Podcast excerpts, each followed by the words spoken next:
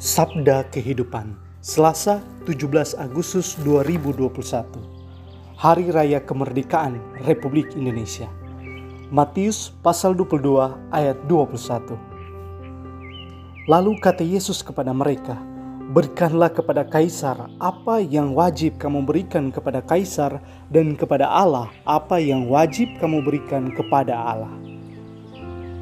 Hari ini dengan penuh syukur dan bangga kita merayakan HUT ke-76 Proklamasi Kemerdekaan negara kita tercinta Indonesia.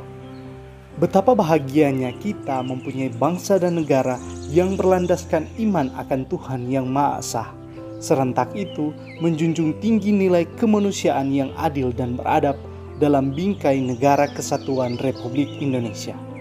Indonesia tercinta menjadi wujud harmoni kerinduan hati Yesus akan kesatuan anak-anak Allah dan anak-anak bangsa yang terpatri indah dalam Pancasila.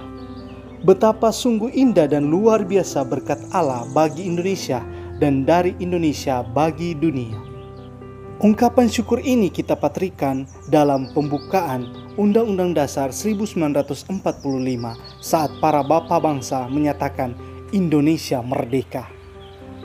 Atas berkat rahmat Allah yang Maha Kuasa dan dengan didorongkan oleh keinginan luhur supaya berkehidupan kebangsaan yang bebas, maka rakyat Indonesia menyatakan dengan ini kemerdekaannya. Kita tak pernah melupakan Allah dalam perjuangan kemerdekaan. Demikian juga dalam mengisi dan mempertahankannya. Terima kasih Tuhan untuk Indonesiaku tercinta.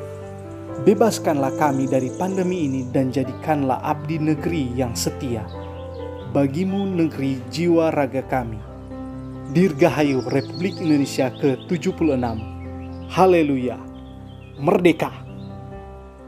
Pastor Revitanot PR